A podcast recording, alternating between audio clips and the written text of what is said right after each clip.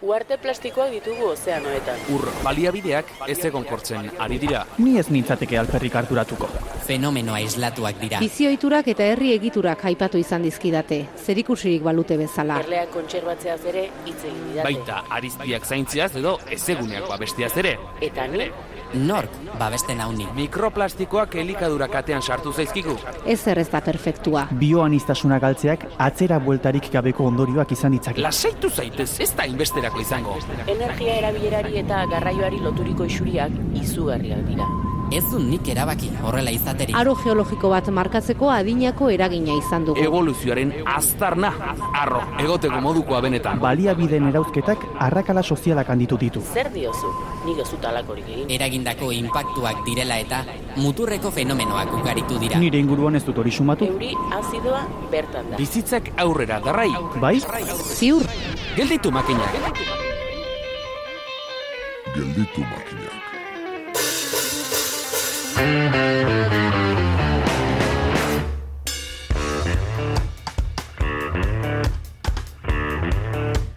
Nork esango zuen mugari gabeko etengabeko hazkuntzan oinarritutako sistema bat ezin mantenduzkoa izango zela izue. Porrot egindako enpresa bateko bulegoak bezala desegiteko unea heldu zaio eta gelditu makinak saioko mai inguruan gogo zeldu nahi diogu gaiari. Hori dela eta gaurkoan dirua eta elikadura izango ditugu izpide, eta eraistearen gidaritzan jarko ditugu maite aristegi jokin aldazabal eta aitzi bersarobe tertuliak ideak.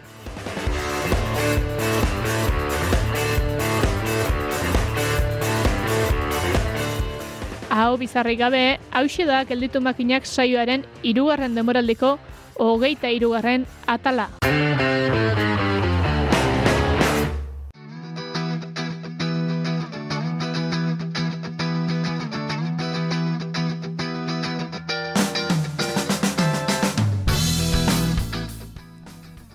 Denbora pixka bat badara maguia da interesgarri jotzen ditugun gaiak ikuspuntu kritiko eta tokatzen denean eraikitzaile batetik lantzen gaiak eta notiziak askotarikoak izan daitezkelako, baina oinarrian badituztelako antzekotasunak.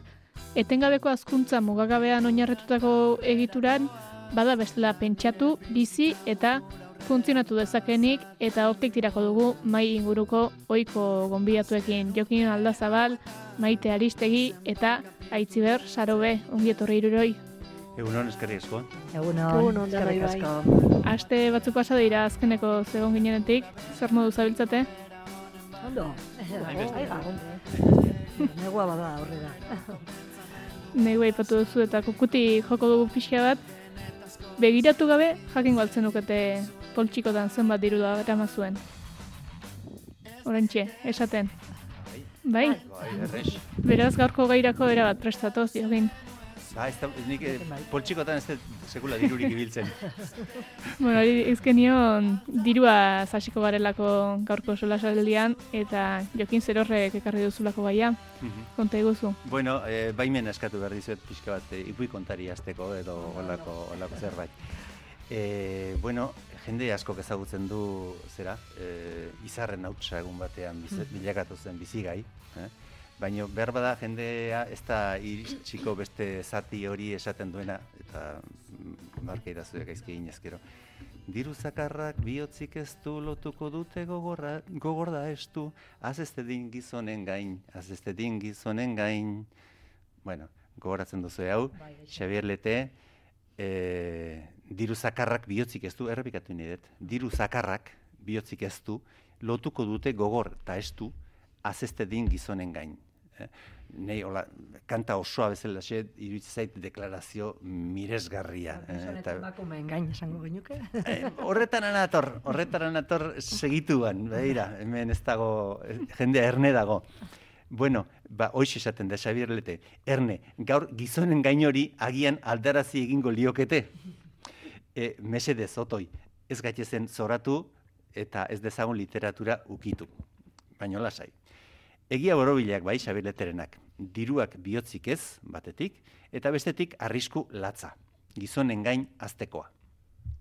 Gizonen gain esango ote genuke gaur, ez segurena. Gizakien gain, segurasko bai, baino zeren gain esan beharko genduke agian, ba, naturaren gain azten da zoritxarrez e, dirua, naiz tartean gizakia ere azpian harrapatu duen. Maite, ados? Ados. Pentsatu apur bat eta ikusiko duzue dirua bereziki bi faktoreren gainean azten dela. Energia fosila batetik eta baliabide naturalak bestetik, e, lehen gaiak nagusiki. Hartu bi hauek gogoan, gero berriro hoietara etorriko garata. Bueno, dirua beraz, besterik gabe, onartuko dugu oraingoz ez dela berez txarra. Tresna bat da, bitarteko bat, berez ezer balio ez duena, baina bere aurretiko trukearen aurrean abantaila ugari dituena. Trukearekin konparatu ezkero diruak badu, badu mm, utilidadea badu abantailarik. Diruak ez du ezer txarrik, beraz, erne, inork pilatzen ez duen bitartean, hortxe dago arriskua. Norbera, gari batean esaten zen bezala, mantendu eta jazteko, hori txerritaren bersoetan eta askotan entzuten entzuten dugu. Bai. Mantendu eta ja- jazteko bitartekoa dan bitartean ez dago kerrik. Dirua, bestetik, egindako lanaren neurri eta agerkari dela ere onar genezake. Eta ona da. Izan ere, lanaren truke beste gauza edo beste zerbitzu batzuk eskuratzeko edo erosteko balio digu diruak. Honeaino, ados. Balio digu bai, naiz diru hori izan liteken paperezko txaste, txartel zistrin bat, naiz metalezko eh, txampon bat, berez balio bat ere balio ez duena. Baina bai, fiatzen gara, eta balioa edo balorea onartzen diogu gure bizitza, gure bizimodurako. Hain zuzen ere, diru modu honi fiatzen garelako fiat dirua esate zaio, bueno, ekonomisten artean eta. Bueno, aurreratu dugu dena ondo joan litekela inor diru hori pilatzen hasten ezten bitartean. Orduan gertatzen baita, batzuek mantendu eta jantzi egiteko baino diru gehiago daukatela eta beste batzuek justu edo eskas.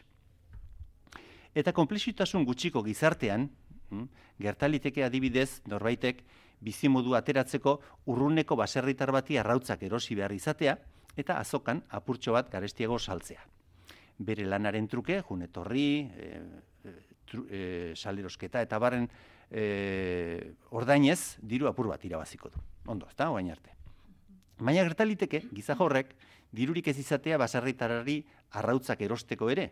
Beraz, ezin azokara ezer eraman eta ezin bizimodurik atera. Lehenengo kapital hori falta.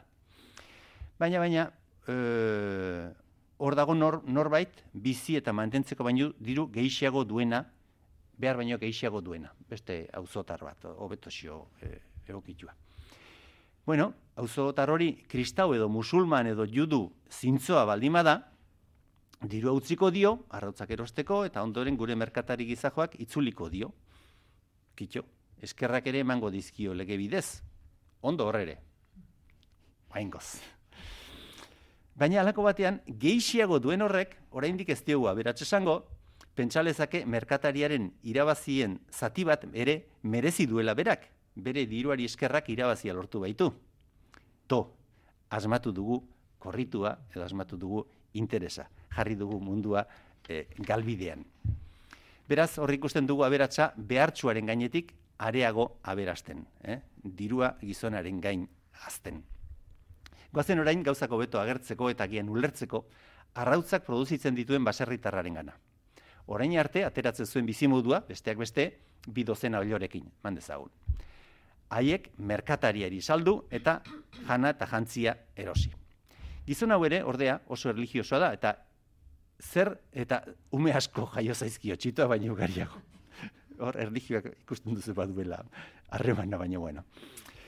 Eta pentsatu du baserria etxalde bihurtzea, eta dozena batzuen ordez ziento batzuk olio ekartzea.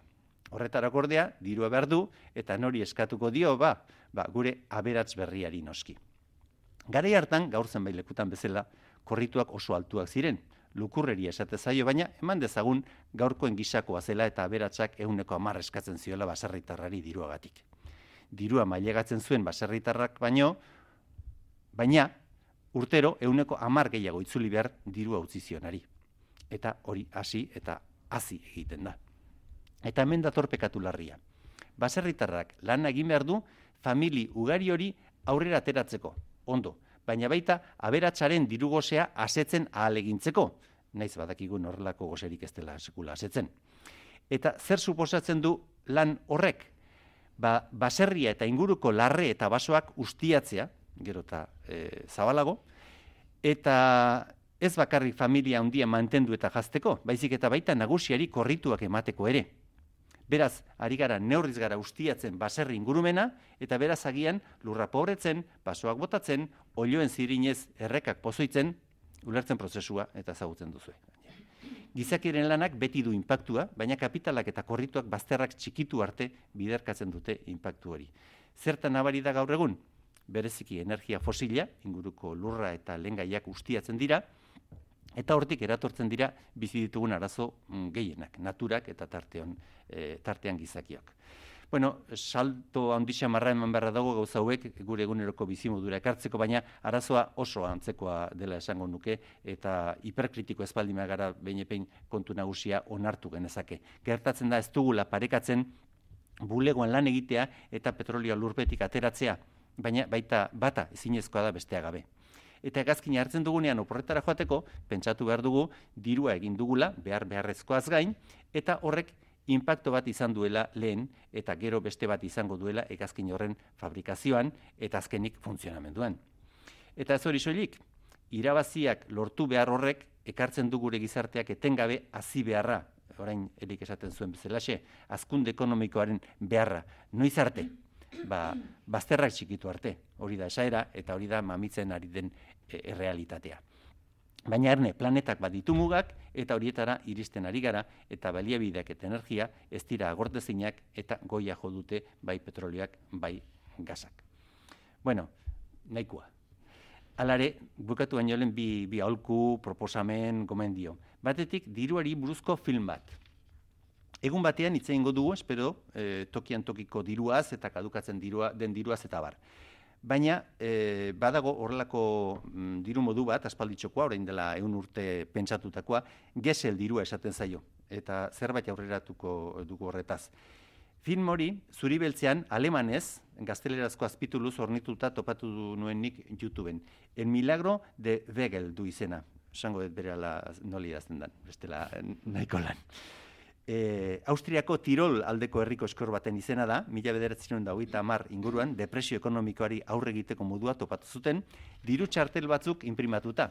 Baina mugizedin, pilatuzkero baloreak galtzen zuen. Hmm? E, el milagro de Begel, e, hauskatzen da izena, baina idatzi, da, V bikoitza, O diereseakin, bi punturekin, V, O, R, G, L.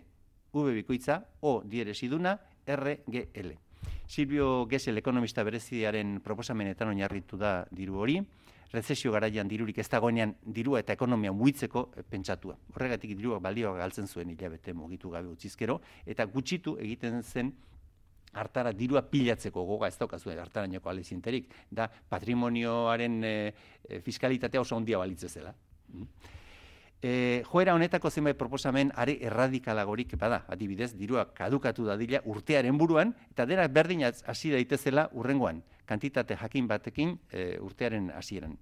Beldurgarria, ala itxaropengarria, segun zeinek begiratzen duen, ezta? E, pentsatu apur bat. Bueno, hor filma eta liburu bat ere bai, eta hemen bere alabokatuko dut. E, beste bastean, e, lasaiago aipatzea espero dut, beste liburu hau ere, Izena du e, Ego Euskal Herriko ekonomiaren transizio ekosozialerako bide horri berri, berri esango dut, txukunxiago, Ego Euskal Herriko ekonomiaren transizio ekosozialerako bide horria. Manu Robles Arangiz fundazioak argitaratu du, Manu, Manu Robles Arangiz zuna duzuen, da e, elaren barrenean, alako, ez dakit, zin tanko itako badan, baina baina oso oso e, liburuzka e, ederrak argitaratzen ditu, oso oso jakingarriak eta eta baditu hau 8garrena da lengo hilean azaldu zana eta merezi du. E, egileak Adrian Almazan eta Luis González Reyes dira. Liburu handia ez da, baina barrenak eta azalak astinduko dizkizuena. Sarean ere segura asko e, topatuko duzue, orain bertan ez baldin bada bere alakoan. Berriro diot, Manu Robles Arangiz Fundazioa, Ego Euskal Herriko Ekonomiaren transizio ekosozialerako bide horria. Eskerrik asko zuen arretagatik. Aipatu dituzu zenbait kontu, eh? Ez dakit bai maite eta aitziber baduzuen zerbait e, aipatzeko edo jontzara bintza eta arimuturrak zabaltzen? Bueno, ez dakit, ez dozu etxatu jokin e, euskoaren e, adibidea. Bai, Hor bai. daukagu lain interesantia, ez da? Bai, bai, moneta, Eh? moneta lokal hoien artean, bai. bai, eta entzuna dudanez gainera Europa mailan e, referente dela. Ez dagoela Europa osoan, hemen e, ba, Euskal Herrian, e, Ipar Euskal Herrian, martxan eta bizi dago eusko horren... E, Ze pozgarria eta ze tristea, ez da? Alege, ze pozgarria Ez egotea. hori- zatia eta besterik ez egotea Ja. eh, maila hortako horik, Bai. ez da? Mm. Baina, Ja. bai, bai, interesgarriak dira. Bai. Horiek eta denboraren bankuak eta holako holako gauzak. hori da, Mm. bai, bai, bai. Beste kontu bat ere bada e, eskuirua eta diru elektronikoaren artean sortzen ariren kontua ez, eta espekulaziorako ze bide ematen duen, eta bueno, diru elektronikoa erabiltzeak zenbat informazio ematen duen. Alegia, jokin aldazabalen izenean dagoen txartel horretatik erosten den guztia, erregistratuta geratzeko aukera dago, eta e, pultsikotan. Aukera baldima dago, eh, egin iten da. Hori, eh, zera, nola zan, eh, teologoak aritzen ziren esate zuten, jainkoak eh, eternoa izateko aukera baldin badu, eternoa izango da, edo horlako zerbait zen. Osea, kontua da, azkenean beste biderik askotan ez dela gelditzen, ez da? Ja. Eta, bori, kapitalismoak hortara bultzatzen gaitzula, gaitxa bideratzen gaitzula. Orain maite esatezana, esatena izan hortatik, ez, gaitzerdi kontrolatu nahi genukena, ez, e, diruaren erabilera zuzena balitz. Baina kontua da, kontrolatzen dena dela normalean, ez, e, bueno, egunerokotasunean, ez dakit, pa, gaiztakeri gutxi eiteko aukera dakanan ibilera, ez? Ze hor, eh, eske esan nahi nuke ematen du inoiz baino aukera handiagoak daudela gauza kontrolatzeko eta egiten dian eh, ez dakit ba, ez, az- ez dakit eh, lapurretak, ez dakit nola deitu bestela, ba, ba tamainakoak dira, orduan kontrolatu zer eta zein. Ez dira, ez dira kontrolatzen ez banko suizoak, eta ez dira kontrolatzen Claro, paradisu fiskalak. Claro, eta sartuko ge, oi ba, sartuko gea, baina kontrolatu zein eta zer, ez? Eta gero orantxe esan duzu, ez? Dirua metatu esan duzu arazoa joekin da guztiz ados nao, ba dirua metatzen dan e, eta dirua metat, de metatutako dirua lanbide duten hoiei helduko niekenik, ez? Kate motzean eta orantxe banka da, ez? Nik beti esatet, ez? E, gehiengo handi bat, e, bueno, ba, nomina kobratzen ditugunak behartuta gaude bankan logika horretan parte hartzera, zer esanik, ez? Haiek, e, ba, ez dakit emandako prestamota horretan lotu behar baduzu, eta ze zaila, ez? Haien, e, haiek gure diruekin egiten dutena kontrolatzea, ze iluna den mundu hori guztia, ez? Zer egiten duten gure diruen e, sartu erten hoiekin, non inbertitzen da, non ez? Aurreko batean, ez? Urrutira joan gabe, baina gerra udala eta ez dela, ni horrekin oso astoratuta nabil, ez? E, hemen gabiz, e, ba ez dakit ba, ez? Gerra hori e, sustatu nahian edo, bentsa gobernu guztiak e, baiezko eman dute eta armak bidali eta bidali eta arma hoien atzean azkenean enpresak daude eta tartean gureak ere bai, nola egin dezake?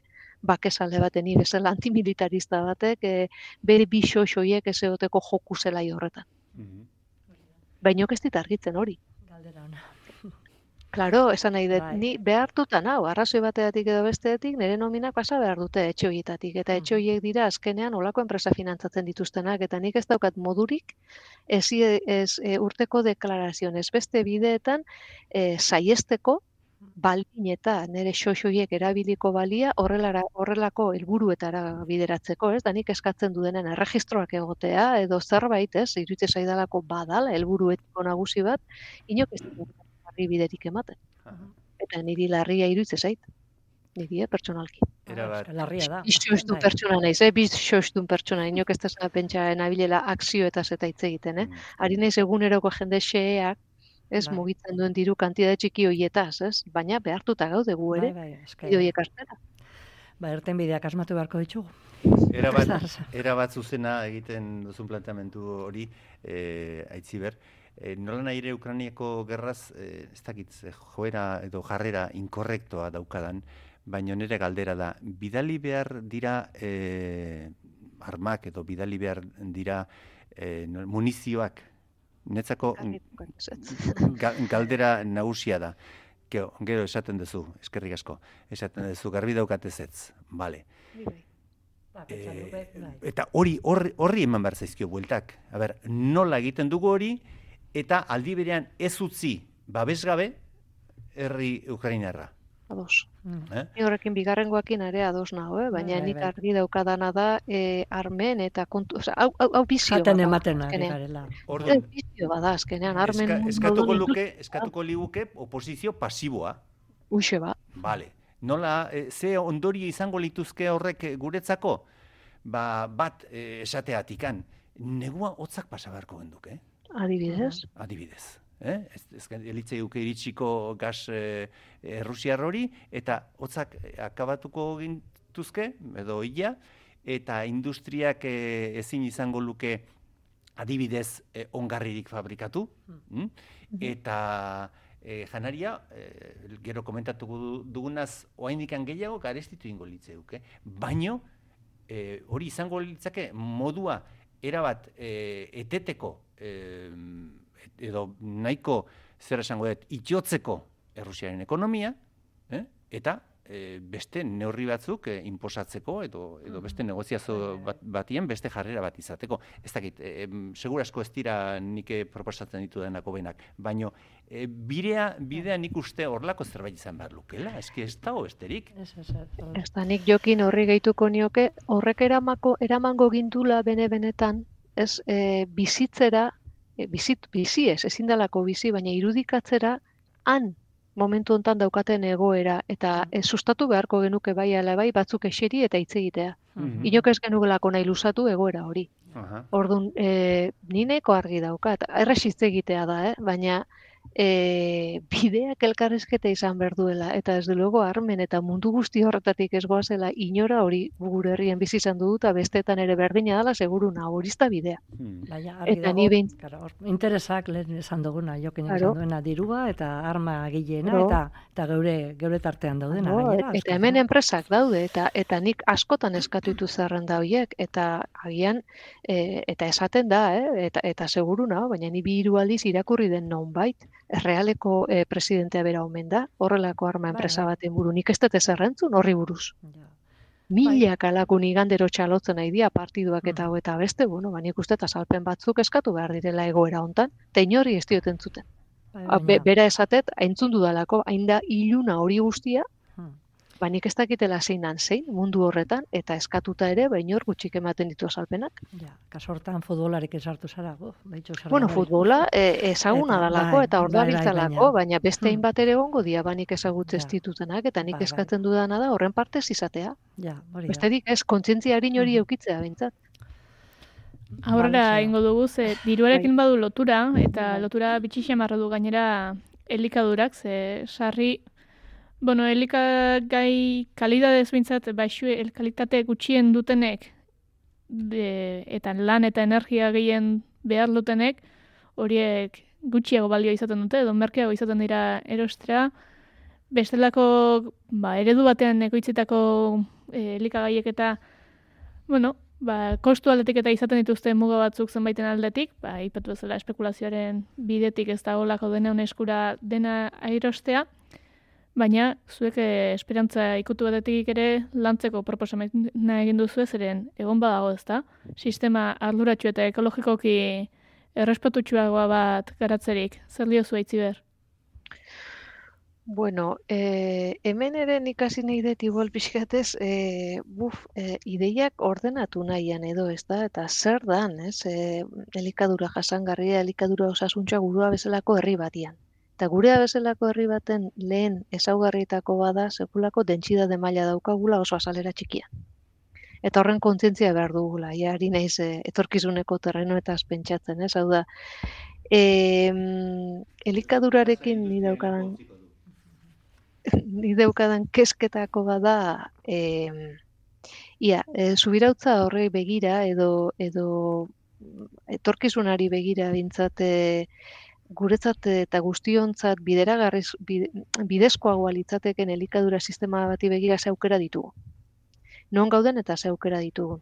Non gauden oso gora kaskarrean gaude datuak ez dira errezak eskuratzenan eta hemen, eusko jaularitzako horrietan eta ibili naiz, ez? Zenbaterainoko ekoizpen maila daukagun oso baxua da, ez da euneko, euneko 6 aspire iristen. Mhm. Iristen dena iristen dela, eh? hori da daukaguna. Eta bestea da ze aukera dauzkagu. Horretan aurrera egiteko.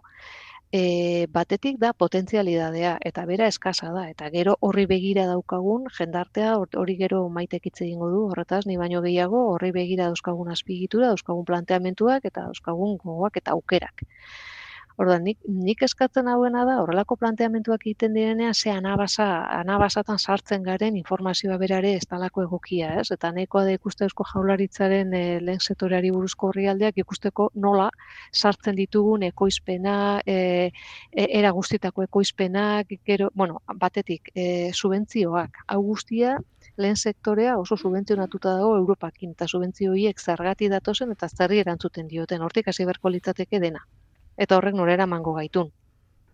E, hor nire irakurketak e, ezberdinak dira, ez? E, gauza bada Europak zerretan nola subentzionatzen duen eta beste horri ze irakurketa itezaion hemen, eta nik uste asko dagoela hitz egiteko. Ze diruiek erabili daitezke politika batzu bideratzeko edo beste batzuk, eta hor esaten denen Europak eta, bueno, Europa gauza asko esaten ditu. Eta interpretatu, interpretatzen dira modu batera. Eta interpretatu daitezke beste batera, hori baso gintzan urtetan borrokatu dugun kontua da. Hori da bat, eta bestea ben subentzionatuta egon ere, ba, ba, sektore honekiko begira da e, publikoa, esango denuke administratiboa, bueno, ez oso keskagarria da. Ze, ez da bere izten ez inolako produkzio motarik, ez behin ekoizpenetikan kate hoietan egiten den ibilbiderik, hau da, dana da, alako diskurso konfuso bat, ez? Nor, arduratxua izan nahi duen, e, bueno, e, kontsumitzaile batek, ez jakiteko oso ondo joan behar duen eroski batera, joan behar duen supermerkatu handu batera, joan behar duen azoka edo azkenea ze kristo egin behar duen. Eta niri horrek eskatzen hau, ze dana da zaila, baina dana oso konfusoa konfusoa zer esan nahi dut. Bueno, ba, asokara jute bada, bat, ba, sortez eskit, onura batzu, noski, gertuko eta kilometro zero da, baina derrepente esango eski bai, baina guztiok ezin du gorrela kontsumitu. esaten azten dira, ez? kontsumo mota hori, garestia da, ez dakin olakoa da, bestekoa da, eta gaina, bale. Ban, baldimanoa, e, kontsumo kate txikira, ba, esatu, ba, hori gertukoa zal, baina, klaro, horrezta bere izten, zer dan bertakoa, zerreztan ondi datorren. Baldimanoa, katea ondietara, sortzen dira beste diskurtso batzu, baina esaten dizute ez, baina horrelako kontsumo katea onditik gabe, ezin dira, e, e, ba, nolabait ezin da elikatu populazioa maila handian eta bar orduan dana da patiburrillo bat. Eta oso komplikatu erabakiak hartu nahi dituen batentzat. Orduan, nik hortik ikusten ditut kontsumitzaileontzat, eh? desenteko zailtasunak. Eta gero badao eta maiteri e, zuzenean interpelatu nahi diot asko kezkatzen daun kontu bat, ez? Zergatik da gero eta alde handiagoa presioa, zeni hori naiz ikusten, aber berak asaltzen didan ni baino beto ezagutuko ditulako kateak, ez elikagai kate, elikagai kateak kasu honetan, zergati da eta alde handiagoa, e, produktu freskuen eta nolabait prozesatuen artean. Ze, harrigarria da nola prozesatuak gero eta merkeagoak ari diren bihurtzen freskoen ondoan. Nik maite egin nahi dio zuzenean galdera hori hor, hor ze, nik ez dut ulertzen. Ze prozesatu horiek e, ez dakit zenbat e, elikagaiekin egiten dira, gero garraio badaukate, bueno, aurrena e, plastifikatu eta kontxarbatzeko sekulako zerak behar dituzte, gero garraio egiten da, eta ni harritutan hau, momentu honetan, badaude hiru lau pertsonentzako adibidea jarreko eta oso ohikoa dalako, baina pizzak, tomate kilo baten prez, bueno, tomateak ez, baina ez da olako, baina ba, ba ez dakit, aurreko batean ikusi nitun, eta ia bi euro mm. gertu zeuden e, porru sorta bat. Eta nola saltzen dau? E, maitek eh, erantzun jakintzua eta sakona eman, eman aurretik, bai. e, urrubilpen bat, e, behar bada zoroa irutuko zaizuena. Produktu freskoek, gizakiaren lana eskatzen dute desente. Eta produktu prozesatuek makinen lana. Eta makinek energia bakarrik eskatzen dute eta energia oso merkea da. Ados. Kitxo. Bai, ados, eh? eh jokin, baina maiteri eman aurretik ze maite da hemen artista, bai. baina makina hoie produktu freskoakin egiten dute lan edo ez? E, bai, askotan ondakinekin, ondakinekin, eh? Ah, bale, ba, hasi urbiltzen igual, ar, e, e, zera, argudiora, ber, bota maite. Egia, egia esan da, ez dakit, ez daukanuk ere erantzun, nola, argi dagona da, e, mengo, anabasa honetan dagon bati burrillo honetan, eta ba, COVID-an ondorengo, eta gero, e, gerra giro honetan, da krisi energetiko eta hau dan aprobetsatuz, ez da, azken batian e, merkatu finantzieruak, espekulatiboak, ba, aprobetsatzen ari dira eta, eta, eta kate, distribuzio katiak aprobetsatzen ari dira egoera hau, eta no pestakit zergatik zein dan arrazoi ez era diferentzia hori egoteko, baina eske Bentsat, argi dago e, produzitzaileai ze ordaintzen ari zaion. Eta produzitzailea ez dala igartzen ari e, igoera hori. Eta, bueno, beste kontu hoien eta energiaren e, kostiaren e, kontu horrekin eta, ba, bueno, aprobetsatzen ari diela, igotzeko, eta ez dagola benetako ba, aktuazio e, e, publiko garbirik horrekin e, horrekin mosteko eta hori horrela dan bitartean ba, ba askotan ba, erosi ezina bihurtu diela. Eta bueno azken batean ja bai kaleko denon e, ahotara etorri dela eske ezin da ezin da joan da erosi. Eta ba justu esaten duzuna ez? Fruta barazkiak ba e, ordain ezindako presiotan e, jarri diela ez da Da nik honen inguruan pizkat orokorrian da ja programa hauetan hori pizkat krisi ekosozialari nola erantzun nahi diogun eta gure pizkat alternatibak eta planteatzeko orduan da gaur e, elikadurari e, heltzeko momentuan eta e, argi dagoena da mai gainean jarri behar dena e, elikadura ere eskubide bat, giza eskubide bat e, dela. Danok elikadura e, osasuntzua eta ba, nahikoa kopuru egokian izateko daukagun eskubidea, ezta? Eta kontua da, talen aitzatu ditzu hor e, eta abar eta, eta politika publikoak e, adibidez, ba, hartzen dute moduan ardura. Ba, gure e, ba, osasongintza, gure eskuntza, ba, bueno, bentsat publikoki erantzuteko naiz eta mila e, zulo dituzten eta abar, geixori baldin banao, ba, badaukat aukera e, medikoaren gana joateko, baina ez da ala hartu e, elikadurarekin, ez da, eta elikadura utzi da, azken batean, merkatu finantzieroi, espekulazioaren e, e, ba, interesen, diruaren e, interesen menpe gelditzu da, eta eta publikoki etzaio horri heldu. Nik uste hori dela lehengotik heldu beharko genuen e, e, genukeen gaia, ezta? Hau eskubide bada, giza eskubide bada eta honi erantzun egin behar zaio. Eta, bueno, e, claro, publikoki zer eginda. Ba, bere garaian Europako nekazaritza politika eta martxan jarrazanean subentzioa gehiago produzitzeko eta hortxe ja, eh, galdu zuen bere eh, helburuaren eh, zer guztia galdu zuen eta claro, subentzio horiek lortzeko intensifikazioaren e, bidea bultzatu zen eta kitxo, hor galdu ginen eta eta iritsi gara ba gaur egungo enekasaritza e, ba suntzitzaile hortara, ezta.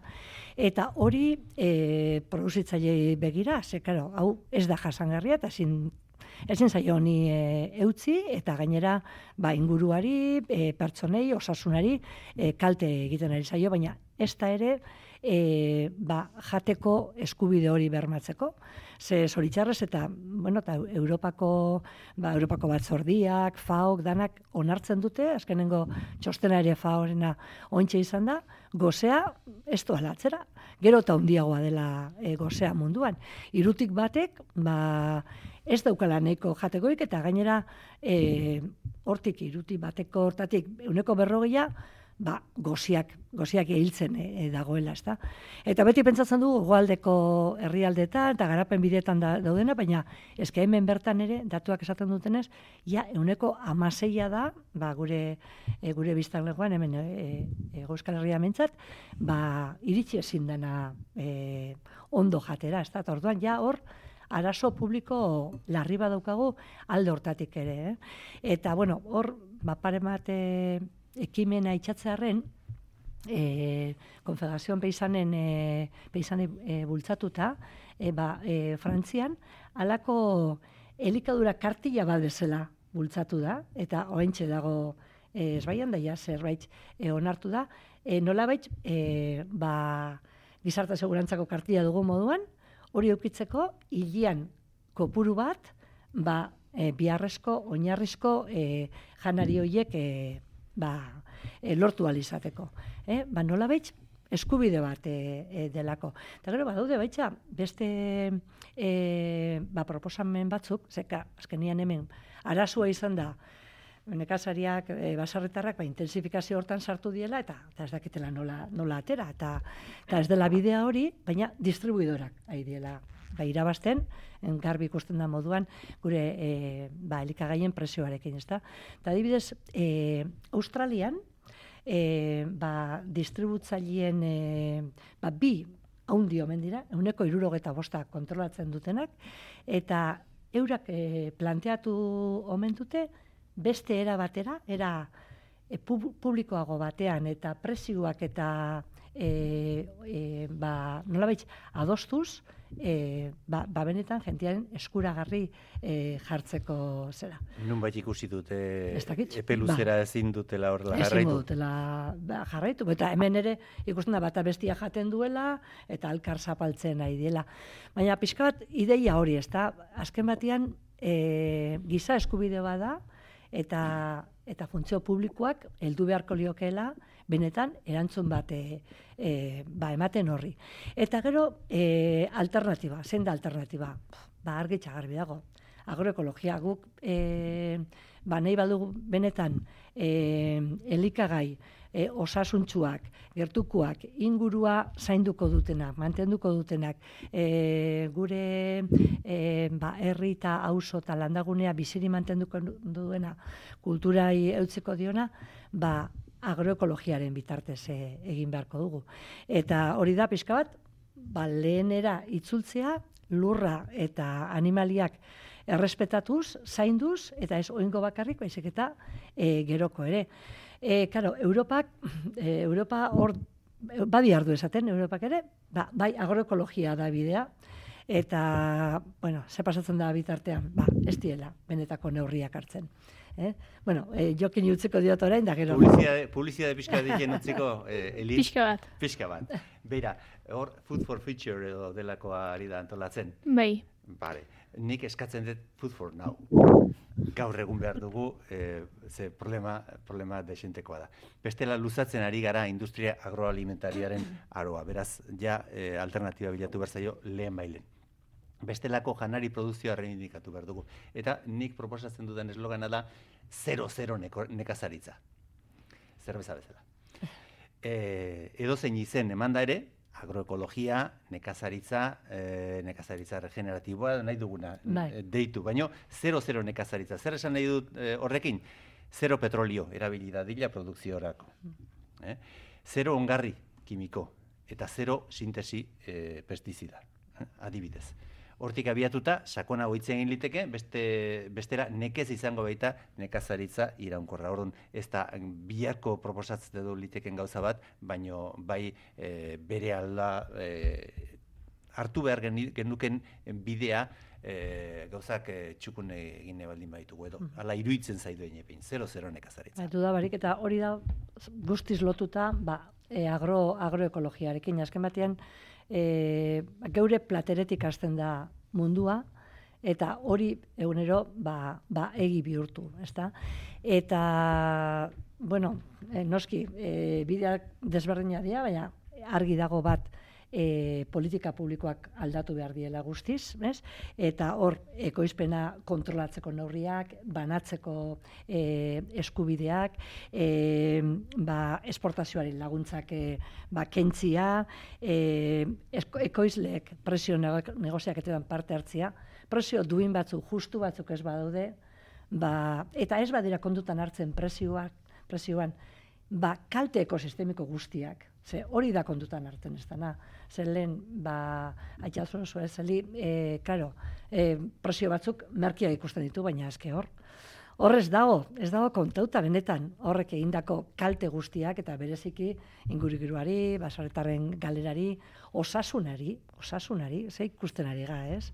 Gure osasuna nola kaltetzen ari da zenbat, gaixo sortzen ari da, zenbat minbizi, nundi data soiek, ez? Gure gure plateretik, ez?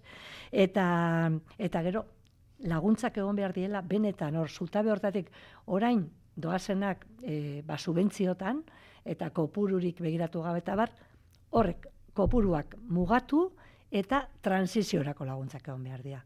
Hemen gure herrian ere, ba, intensifikazio hortatik, pasatzeko ba, lurrakin lotuta, inguruakin lotuta, egingo den nekazaritza. Eta hori posible da. Ze dirua badago bestera joaten da. Eta agroindustriari emote zaiuna hortik kendu behar da benetan transizio hori e, eman dadin. Eta, eta ja, agroekologian daudenak, hoiek benetan baitza lagundu presio duin batzuk izan ditzaten. Zer, bueno, ontxe, berriki eginda baitza duina ikarketa, amabi e, produzitzaile agroekologikoan aidienak, barazki giliak, zelako esfortzua egiten ari diren, zelako lana egiten ari diren, baina, eske, ja txikita bat ez daukate laguntzetan, da ez dute nahi laguntzai, laguntzen menpe egotia ere, baina bai baloratu behar da lan hori presio, gero, eren ekoizpenaren presioa ere, denok ordaintzeko modukoa izan dadin, eta denon eskura e, egon dadin. Orduan, alde batetik politika e, aldaketa sakon hoiek errora joatia. Eta gero gure herritan. Azkenian politika lokal baiadakoak eta herrialdekoak eta eta proiektuak azkenian e, ba, geure konsumo ituretatik e, aldatu, ze bakoitzak egiten dugu lana hor, lehen Ukrainiako gerrari begira esaten genuen bezala, bakoitzaren e, e, ekarpena, e, ba, produktu lokala gertukoa, e, ba, zuzena ingurua mantenduko duena, hortxe dago irten bidea. Eta gero, bueno, food for future hortan sartuko gara, baina hor dauden gezurrak, ba, gau, izugarria dira, eta zoritxarrez, olako e, planteamentuak ari zaizkigu jartzen, eta dirua jartzen hoietan, eta da, bestearekin, bukatzeko orduan, ez, transiziorako behar da hor, hor laguntza bestetik kendu eta eh, desintensifikazio hortarako. Ah, aitzi bai, ere izango duzu. Eh, ez. Aitziber. Bai, jokin, ba ez, nik hor bi ideia. Bat, eh, future horrek eh, food for now esate zen duen jokia ados nau.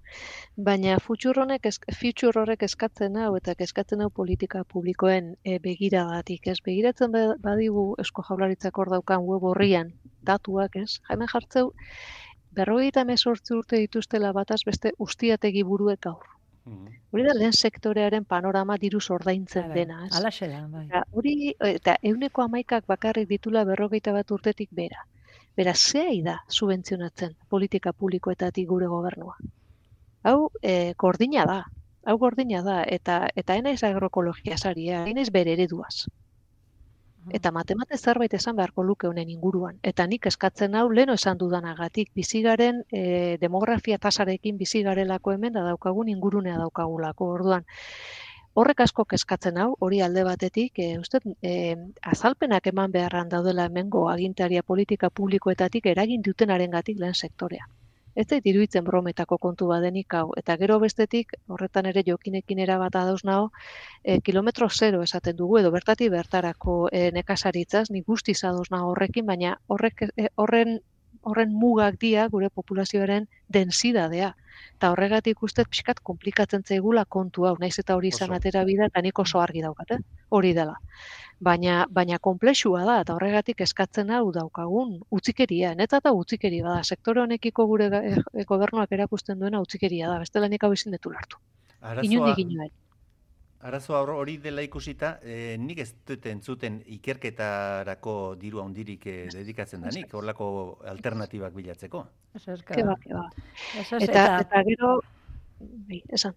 Ez, et, adibidez, e, ointxe esan dugun hau e, duina lanketa hau egin da, eta ikusi da e, benetan ze ekarpen egiten duen agroekologiak e, ba, gizarteari eta inguruneari, eta eskatu dutenian inok danak bestaldera behiratu dute. Ez ez dauka, hemengo e, aginteriek ez daukate interesik benetan ba, transizio hori eman dadin. Ah. Eta bestetik ez goa, signora, beste, eske, danak ematen, ematen dute agortutzat, ba, lengo eredua, eta, eta ez dago interesik, ba, horretan sakontzeko, e, eredu jator batian sakontzeko, orduan. Bai. Eta gero beste lotura bat ere egin edo horrek ere keskatzen daulako, eta hori ere futxur horri begira nago. E, biolurrek eta azkenengoetan egindako lako ekimen politetako bat da e, sukaldeari begirako, hau da, errezetarioak urtean urteko, to, garaian garaiko elikadura e, zaintzeko, eta horri ere ustez, etzaiola behar bezala begiratzen edo ez daukan garrantziarekin behintzat. Ez badia urtetxo batzuk horri paraldeko eskola batzutan eta ibili nintzena eta haiek zeukaten ikasgai bat oso interesgarria lehen hezkuntzarako zan etxearen gobernantza edo izena zuena. Eta e, lehen hezkuntzatik erakusten diete etxe baten gobernantza zer dan umei. Eta gobernantza horren barruan sartzen da sukaldea. Eta niretzat hori e, jakinda gainean gure herrian ze espazio eskaintze zaion sukaldaritzari orantxe telebiztetan kasi beste zer mm. ba, iruditzen zait hori dela modu agian e, egokia e, e, kontu hau ere, zan nahi dut, elikadura osasuntxu eta tokian tokiko baten alteko aldarria ere egiteko. Eta hortik erenik, e, en fin, e, ekarpen gutxi ikustitut e, gutxinez eh nuke modu didaktiko edo pedagogikoan. Egia da ikuste ditut hainbat sukaldari, ba alegin egiten erakusten zer dan garaiko eta uta beste eta hor gure herriko are arginan hori ez da gaizki portatzen, baina beste zentzu sakonago batekin. Hau da, nolabait lotuz ingurumena lehen sektorea eta sukaldea iruditzen zait horrere bada, badaola gehiegi zanet buruak asko hautsi gabe, ez kulturak ematen dula hortarako eta hori modu ordenatu batean egiteko. Eta bukatzeko e, le, leku publikoetako sukaldeak. Ikastetxekoak, barne, bestelako lekuak hoiek ere, iruditzen zaizkit sukalde horiek edo sukalde horiek lotutako bizipenak ere badiala modu, ez dakit ez, e, kontsumitzaileokin, lan e, arduratsu bat egiteko e, gauza gehiegi e, e, nola esan ba, ez? asmatu gabe edo eta nekatu gabe. Hor badaude espazio batzuk lotu daitezkenak lehen sektorearekin, izan nekasaritzarekin, izan arrantzarekin, gero agian ere hitz egin dugulako horretaz, baina e, moduna, zaki ba, esan, emanak diala errastasun batzuk gai hauek izarteratzeko sartu berrian alakonik ez dakize trascendentzi ekonomikoko kontu batzuetara, ez? Osa, plano ezberdinetatik eragin daitekela hemen, nire ustez, e, dimensio ezberdinetan eta eta ez tala, ez diala lotura behar bezala eraikitzen. Kontsumitzailea arduratsuak izateari begira, eh? E, ekoiz, e, produktore e, arduratsuak emaiteri utziko dizkiot. Hmm. Aipatu duzu, geroxiago aipatuko dugula, baina denbora aldetik guazen bezala ikusita, oraintxe aipatuko dugu, eta kontsumitzaileen ardura esan da, itziber, angulen kontu ekarko dugu berriz, lehen ere aipatu genuen, baina, baina ez zaudete bat lasai kontunekin. Ez da eta lasai egoteko modukoa. Bueno, hau etorriko da seguru asko gaur bertan e, prentxara igorri duelako naturkon elkarteak ez esko jaularitzak aurreko astean hartutako hartu edo hartu nahi duen hartu duen eta bideratzen ari den erabaki bat, ez? Hor aipatu gendun aurreko saio batean nola Europak ikusita angularen e, ez e, arraionen e, espezionen egoera zein kaskarra den, ez? Neurriak e, bere arrantzaren neurriak indartu ditu, gogortu ditu barkatu eta hemen badugu e, Euskal Herrian alako e, berezitasun bat, ez? Autismo bat, angula... hori hori jokin. Ba, angula e, tradizioaren izenean arrantzatu izan dela beti aixialdiko arrantza kontsideratzen den horretan. Eta horrek baditu eraginak aixialdiko arrantza izatean angularen komertzializazioa debekatuta egon da betidanik legez. Suposatzen da, angula kontsumitzen zela, ba, sosidadetan, etxeetan eta bar, baina ez du euki merkatu legalik. Eta orduan, Eusko Jaurlaritzak e, debeku hauen aurrean, e, debeku hauetaz etorri da, aixialdiko arrantza guztiz debekatzea eta profesionalei bakarrik ematea e, angula arrantzatzeko e, aukera Europan, eta gaina epemuga batean ikusi arte ze impactu daukan e, epemuga horretan gero igual zorrostuko dalako. Bueno, ba, egoera honetan, arduratsu jokatu berrean gure gobernu honek zer da zer egin du zein da azkenengo ateraldia, ba, erabakitzea aixialdiko arrantzasena profesional bihurtzea. Eta, karo, horrek zorpetxatu handi ematen du. Karo, hori profesional bihurtzeko ikusi beharko da, eh? autonomoetan nola ematen diren altak zein dabiltzan hor, bueno, hori, hori, hori da bide bat, ez? E, bide legala eta hori baina e, arazoare, esanet, gaiaren e, erroetara junda, zergatik nahi du profesionalizatu teorian existitzetzen sektore bat jaurlaritzak. Ze horrek ekarriko dizkio, araudi e, e, legeztatzari begirako zailtasunak, ba, erantzun, ez, ez ditu oso erantzun egokiak, e, galde, egokiak esan nahi dut oso, em, susmo txarretara ematen duen galdera da hori, ze erantzun bat, da hor, e, aixialdi horren azpian, sekulako diru beltza moitu duen sektore bada hola. Ze bestela zertarako nekatu, holako prozesu bat abian jartzen. Ondo, e, wow, horrek esaten duena da, e, wow, ele, wow, zertaz hitz egiten nahi geha, ez? Zer da horren, horren atzean. Eta beste aukera da, bueno, ba, ba, sektore berri hori sortzeak, ez? Nolabait, legeztatze horrek, e, ba, ez dakit, ez? Ekarreko lituzkela, orain ematen ez ditu onura batzuk, baina gutxi baldin badira, zintzuk dia. Ez da, ez, erre, ez da erreza ulertzen erabaki hau. Baldin eta espada, basare klientelar bati erantzun nahi zaiolako, eta hori ere da, e, wow, Ze ezin dugu astu, angula, biodibersidadea dala. Begiratzen dugun lekuti begiratzen dugula, erantzuna da e, keskatzeko modukoa. Eta hirugarrengoa. Eta gure esan- PIB-an ez duela ez zeren e, utxaren urrengoa dela. Ez, ez, ez, ez, ez, ez, utxa ez, zero, zesta legala, jokin. Eta negatiboa. Ez da komertzializatu, espezie hau. Mhm. Orduan, zer da honen atzean? Eta diru beltzakin enbeste diru moitu baldin bada, e, iepa, iepa, honek zer esan nahi du. Mhm. Orduan, e, da, erabaki, bene-benetan, e, pf, ez dakit ba nola esan. Ez dakit, ez, ez, dakit, ez, da- ez, da- ez, da gelit, guretzat zaila da. Da- Dakiguna da, e, hau ez dela kontrolatu, honen atzean e, aixi, e, tradizioa aipatzen dela, baina tradiziozkoa izatekotan izan da lehorreko arrantza, inoiz ez itxasontzi txa- txalupa bidez egin dena, eta horre egiten da barrabaskediarik handiena, eta gure zalantza da, hau legeztatzen danean zer, nola komertzializatuko da, zeine kontrolatuko hau dana, zer da guzti honen atzean. Eta azkenengoa, nori ebamango zaizkio baimenak. Ze hor beste gauza bado, norena da angula. Ze agian eskatu behar du gipuzkoar guztiok dagokigun tasa, eh? Arrantza horrenat ikusiko dugu zer egiten dugun. Ze zein, zein eskaini behar zaio orain. Lehendik ere, azerrean ibiltzen ziren, da badakigu, eta aitortzen zuten, anguleroek, e, legezkanpo ibiltzen ziren, etzeskilako e, lehendik zituzten mugak jarrita zeuden, hainbat e, baimen bakarrik banatze zian, ba, bueno, hortarako aukera zeolako, edo, bueno, ez zeolako espezia ez daolako egoera egokien, eta euren artean gerrak sortze zian, liskarrak. Batzuek baimena nahi zutelako, eta zutelako eskuratzen. E, eta orain zer? Hau e, legeztatzen danean eta komertziala bihurtzen danean, zergat zein emango zaio baimen hori zein dauka eskubidea horretarako.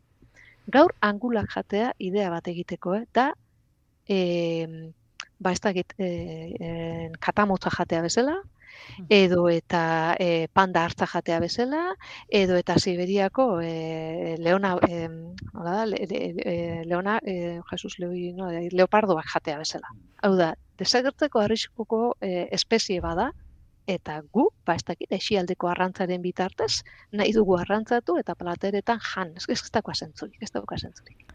Ez dauka zentzurik, baina zer pentsatu ematen du. Dokumentua atera duzu aitziber, eta hainbat galdera zabaldu dituzu orentxe Bai, bertan. E, espero duzu erantzunik? Ez, ez dugu espero erantzunik, e, badakigulako gurekin harremanetan ez direlako jarriko, hau legeztatu e, nahian dabilen gandik espero duguna da gure gizartearen erantzuna. Eta espero dugu jendea e, larritzea eta lotxatzea angula platera jartzen baldin badizkiote. Eta espero dugu, e, ba, ba ez dakitez, e, arrain dendetan, bagian e, bi aldiz pentsatzea, hori legeztatu horretik. Egia da, hemendik kanpoa Frantzian adibidez, e, desente arrantzatzen dela angula, haiek badaukate baimena, arrantza profesionala da, baina guk esaten duguna da, e, han egiten dalako, han kontrolatuko da, eta hiru hilabeteko berme eman da, eta esan da kontrolatuko da arrantza profesionala, eta ikusiko ala zer egiten da, baina guk esaten duguna da, hemenetan espezie bera da, eta han egiten dutenagatik hemen ezin dia lizentzia hauek hartu. Espezie, hau da, konsideratuta egoera larrian, eskatzen duguna da, e, des, arriskularrian dauden espezien zerrendan sartzea eta bingoz debekatza Europak azkenean horretan bukatuko du, eh? Angulakola jarraitzen baldin badu, horretan bukatuko du, ze tradizioa bukatuko da, balearena bukatu zena eta bisiguana bukatu zena bezala. Ez talako egonko zer arrantzaturik. Hori da? Harrapakina. Ba, Hori da? azkeneko apunteren bat, e, bota jokin. Bueno, ni mantendu eta jantzi hasi naiz. Eta hor, e, erantzin, erantzin nuke nolabait ikuspegi historiko xamarra. E, nei neoni e, maite atzera jute baldimagea e, berrogeita hamar urte atzera. Gogoratuko gara, e, jaztea askoz garestiagoa zela gaur egun baino. Eh? Mm, Arropa ikeragarri merkatu da. Eta hori, e, ez dago asko pentsatu beharrik, zeri esker e, merkatu den e, produkzioa. Prekaria, eh? prekaridadea. Prekaridadea eta eta gero en, energiaren e, erabilera ik- ikeragarria. Mhm. Eta berdin jatea, mantentzea. Bai. Mantentzea ere, ba zer esango dizut, ba orain dela berrogi urte, em, etxeko eh, presupuestoaren euneko geita basu aldimazan, bazken aldi honetan, erdila ere ez da izango. Mm? Eta eh, hor, ohartarazi nahi dut, alegia, mantentzea transizio agroekologikoa edo ekosoziala egin ondoren, garestiagoa izango da askoz gaur egun baino. Eta hala izan behar du. Eh? Beste abantaila batzuk izango Bai, dira, baino... Orain ere, hori ere prekaridadean oinarrituta dagolako. Kanpotik datozen e, eta hegoaldeko herrialdeatetik datozen generuak, e, hori, geizki ordainduta eta nekazariak zapalduta. Baina hemen produzitzen dugunean, garestiago izangoa, eh? Bai. Garestiago izango da, garestiago. Alegia, eh, beste gauzetarako diru, diru gutxiago gatuko Ondo zaigu. porrositxuta baldin badago, et, bai. Bueno. Ba, ala itxiko dugu gaurkoa, denboraren mugamugan. Eskerrik asko iruroi, hilabete honetan ete gurean izateagatik. Eta Zori. datorren erako ere, hementxe espero zaituztegu eskerrik asko jokin, Ondo, maite eta ondo bizi denok. Hori. Bai, berdin, da. asko. Jaitzi ber. Agur, agur. Guretzat nituen arrosa Eta hiru gonbidatuak bezala zu ere agortoko zaitugu entzule. Aingira eta angulekin batera urrengo gelditu makinak saioan elkarraitezela. Patxada zibili, aio. Emanien duten usaina Zeuretzat